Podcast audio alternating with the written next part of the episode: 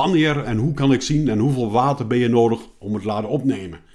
Nou, daar eh, is een, een heel makkelijk hulpmiddel voor. Als je je korrels gestrooid hebt eh, en je hebt twee nachten dauw gehad en er is bodemvocht, mag je er helaas van uitgaan dat het weg is. Maar wil je het dan toch nog testen, dus zie je die witte korrels liggen, niet te vroeg doen.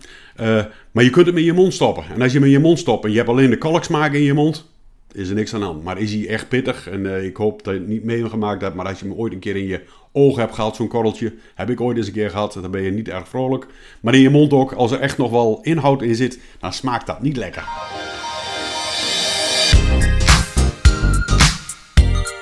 Weer terug in Nederland. Theo Koerts. Ik zag het uh, op LinkedIn voorbij komen. Druk geweest in België volgens mij. Theo, uh, je krabt wat aan de armen. Gaat het, gaat het wel helemaal goed in deze zomer? Ja, dat is voor ons wel weer een, eh, een, een teken dat het echt zomer is. Ik woon aan een straat met allemaal eikenbomen erin. Nou, en dan weet je dat je aan de beurt bent met processierupsen en dergelijke. En die haren vliegen rond. Ik heb net mijn raam dicht gedaan. Ik denk, toch een beetje dat spul buiten houden. Maar ja, dat is toch wel een, een probleempje in heel Nederland. Uh, ik, 30 jaar geleden kwam ik het al tegen in Brabant, toen ik daar woonde. En nu, ja, heel Nederland zit eronder, maar is niet lekker. Lekker. Nee, dat snap ik. Wat wel lekker is, is het weer. er gebeurt veel op het land. Als ik hier door de polder rijd, zoals de luisteraars misschien weten, ik woon in Flevoland. daar gaan de opruimwagens volle bak over het land heen. Ehm, temperaturen zijn hoog. Hoe, hoe, staat het, hoe staat je zelf met de grasgroei en ook even met de kwaliteit? Nou, kwaliteit in ieder geval, de uitslagen die ik zie, die ziet er, eh, ziet er goed uit. Grasgroei, zeker op die plaatsen waar water gevallen is, zeker goed. Temperaturen, kijk, als je nu kort maait, kan het bruin worden doordat het verbrandt als het ware. De bodemtemperatuur moet eigenlijk niet boven de 25 graden komen. Ja, ik, ik, zie aan het einde van de week zie ik wel weer, dus het wisselt wel een beetje weer, maar de temperatuur die gaat weer wat zakken. Maar ja, in de zomer is nu het moment, we zitten tussen de derde, vierde snede. De ene plek is de derde snede al eh, weg. De andere is al, eh, heeft al bemest voor de vierde snede. Ja, we deze tijd gewoon goed opletten wat je doet met je gras. Uh, kaliebemesting. Zeker op maaipercelen. Let op, je onttrekt behoorlijk veel. Ehm, als je ook nog weet hoeveel als er in je mest zit, dan weet je ook hoeveel je gebracht hebt. Op die manier toch goed kijken. bewijding. hou die koeien aan het vreden. Zeker met deze hoge temperaturen. Let op hittestress en dergelijke natriumbicarbonaat bijvoeren. Dat is dan weer in de, in de pens een beetje rustig te houden. Maar ook om die grasopname te stimuleren. Vergeet je zout niet, natrium bemesten. Doet ook wat voor smakelijkheid, toch? Ja, die doet puur voor de smakelijkheid om die, die opname goed te houden. zeker zo in de zomer is dat wel een heel goed advies. zorg dat die koeien goed blijven vreten, zodat ze ook goed blijven produceren. Nou ja, en als je daar dan mee bezig bent, je kunt je stikstofbemesting nog heel mooi bijwerken met je, met je gras en app. Je kunt ernaar kijken. Je kunt kijken van, zeker op droge hoeken. Je houdt rekening mee van de stikstof die nog niet weg is. Dus dan krijg je een lager uh, stikstofadvies. En om je doelstelling te halen, ja, dat kan de Gras en app heel goed bij helpen. Ja, dan was je laatst in België. Ik begon er in het begin al even over. Ik zag wat uh, foto's voorbij komen op, uh, op de Instagram. Yara Benelux. Uh, wat deed je daar precies? Volgens mij was het voor Limagren? Ja, ik heb uh, meerdere keren. We hebben, ik heb de, de, de, velddagen gehad in, in, in België van Limagran. Die, dat is al in, in juni geweest. Dus dat is al begin juni. Um, daar hebben wij ons verhaal mogen vertellen. Hebben we behoorlijk wat bezoekers gehad. En afgelopen dinsdag zaten we in, mochten we de, het boerenparlement van Limagrin ontvangen in Sluiskil. Die heeft een rondleiding gehad bij ons op, op, het, op de productielocatie. En daar mocht ik ook nog een verhaal vertellen. Er zijn mensen die wat, wat dubbel gehoord hebben. Maar in ieder geval daar hebben we ook het, ons verhaal over selenium, over zwavel, ammoniumnitraatmeststoffen, gras en eb. Hebben we daar duidelijk te, te, ja, kunnen vertellen. Een hele mooie vraag aan het einde was. Er was ook iemand die onze podcast regelmatig luisterde. Die zei van, dit is altijd leuk om te horen. Dus dat, dat was mooi. En een gegeven moment kwam er ook een vraag van, ja, nu in die droogte, dan liggen die korrels liggen erop. Wanneer en hoe kan ik zien en hoeveel water ben je nodig om het te laten opnemen?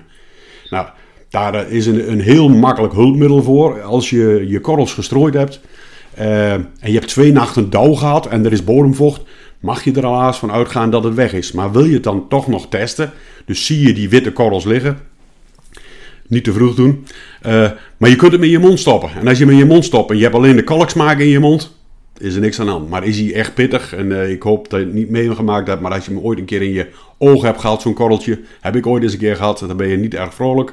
Maar in je mond ook, als er echt nog wel inhoud in zit, dan smaakt dat niet lekker. Dus hele mooie test om te zien van, is hij nou leeg of zit er nog uh, bemestingswaarde in? Ja, maar ik denk dus dat we dan de aanbeveling kunnen maken dat het niet simpel is om direct 15 of een handvol van die korrels in de mond te stoppen, denk ik hè?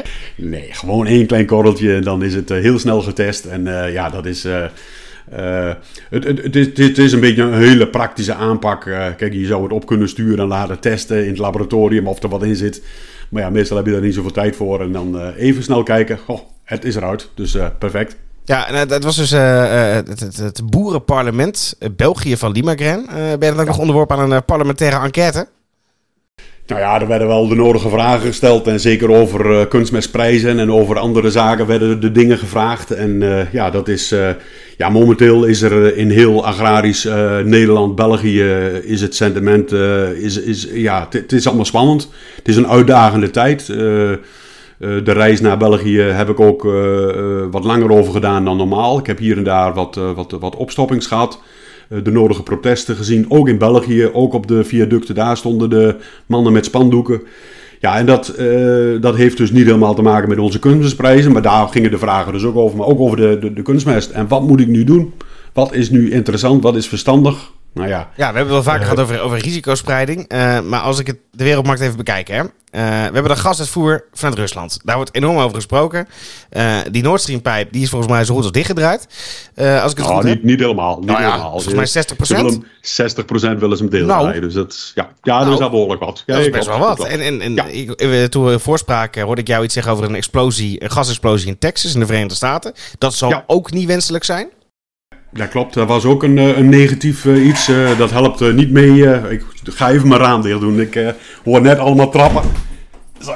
Nou horen ze buiten niet. We hebben de, we hebben de schilders op dus die gooien de trap tegen de, tegen de reling aan. Nee, in, in Texas ja ook. Daar door explosies en alle andere zaken. Ja, toch wel is niet positief voor de gasprijs. En dat zie je dus ook als je het verloop ziet. Ja, hij blijft hoog. En ja, er worden wel gezegd van per eenheid energie kostte die vorig jaar 12 en nu kost die 44 uh, of zelfs soms nog hoger. Maar hij blijft op een ja, behoorlijk hoog niveau blijft hij hangen. Dus volatiel, mooi woord, maar wel hoog. En, dat, en daarom blijven we toch nog continu zeggen van kijk naar wat er nu gebeurt. Uh, we gaan weer naar de winter. Uh, de, da de, kort, of de kortste nacht hebben we gehad. Dus het gaat weer richting winter. En ik zei dat gisteravond ook tegen de boer. En nu, ja, die boer die zei ook van, jij bent ook een mooie. We hebben net eindelijk lekker mooi zomerweer. En jij begint over de winter, winter te praten. Ik zei, ja maar wij moeten voorbereid zijn op de winter. En richting de winter betekent dus gewoon dat onze voorraden gas moeten, op, moeten vol. Want we willen iedereen uh, van gas voorzien. Uh, voor productie van kunstmest is best heel veel gas nodig. En uh, als ze daar in Rusland de boel dichtdraaien en in Texas vliegt de boel de lucht in en we gaan allemaal ook nog een streng winter krijgen. En we gaan van alles. Uh, en we wachten tot het laatste moment met kopen. En de tarweprijzen zijn hoog en de graanprijzen zijn hoog. Ze zijn wel iets gezakt, maar ze blijven toch wel behoorlijk niveau. Ja, dan komt er enorm veel vraag naar kunstmest. En heel veel vraag betekent gewoon hoge prijzen. En dat is. Uh, ik heb wat reacties gehad, ook op de vorige keer op de podcast. Zo van ja, je kunt wel mooi vertellen hoe we geld kunnen verdienen. En, en dit is allemaal. Ik heb het beste voor om op het juiste moment in te kopen. Maar ik heb geen glazen bol. Ik kan niet zeggen van wat er gaat gebeuren. Maar gevoelsmatig zeg ik op dit moment, ja, uh, kan het helaas uh, niet zo zijn dat die prijs naar beneden gaat duiken. Hoe lang, hoe lang in de toekomst moet je als agrariër dan vooruitkijken als je uh, toch enige vorm van zekerheid wil hebben? Wat is een soort marge die je wil aanhouden? Moet je rekening houden met een half jaar? Moet je eigenlijk al een jaar vooruit gaan plannen? Ik, ik, ik, ik vraag me er wel eens af. Ik uh, denk dat je in ieder geval nu heel goed moet gaan kijken van wat je dit jaar gedaan hebt. Uh, kijken wat je opgebruikt hebt aan kunstmest. Eventueel nog wat aankopen. We zeggen in de zomer een derde aankopen, in de herfst of in de winter een derde en in het voorjaar. Heb je risicospreiding, weet je zeker dat het de laagste prijs is. Of je denkt dat het de laagste prijs is, kun je het rustig ook meer aankopen. Uh, ja, een jaar van tevoren moet je eigenlijk wel uitkijken. Want zometeen komen we weer in die winter en dan zitten we weer met die vraag naar gas. En ja, dat, die, die situatie die komt ieder jaar weer. Uh, alleen we hebben daar eigenlijk nooit zo echt last van gehad, omdat we altijd voorraad genoeg hadden. Er was altijd, uh, de pijp stond altijd open, we konden genoeg aankopen. Er kwam vanuit uit het Groningse kwam, kwam gas, kwam gas. Er kwam uit Rusland kwam gas, alle kanten kwam het gas naar ons toe. Uit de Noordzeevelden kwam gas aangestroomd. Ja, we zitten gewoon met een, met een tekort. En wat er ook al gezegd wordt, uh, gaan we echt de crisis in, kan het wel eens wezen dat we de hoogconsumptie-industrie stil gaan zetten.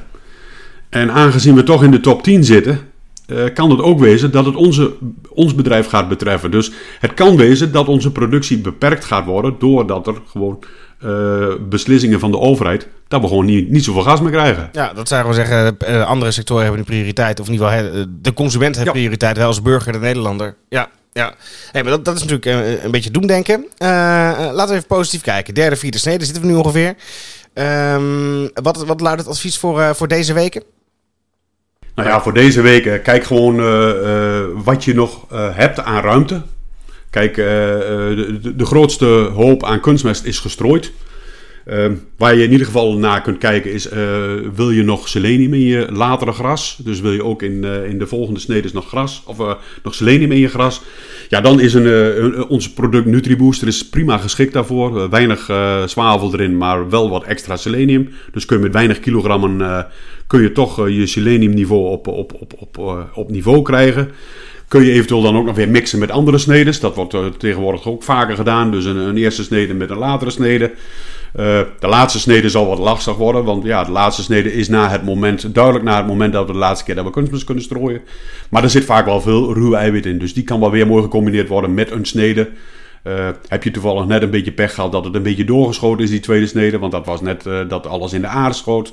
En je wilt er wat eiwit tegenaan voeren, dan zou je dus daar de laatste snede tegenaan kunnen voeren. Dus planning maken, dat is in ieder geval een, een, een heel belangrijk ding. Uh, dan kun je dus ook, ja, met de Grazijn app kun je ook nog kijken van wat, wat kan ik nog halen? Wat is nog haalbaar met, met de bemesting die ik nog heb? En dat is eigenlijk ja, op dit moment het belangrijkste. Straks komen in het najaar komen nog andere dingen.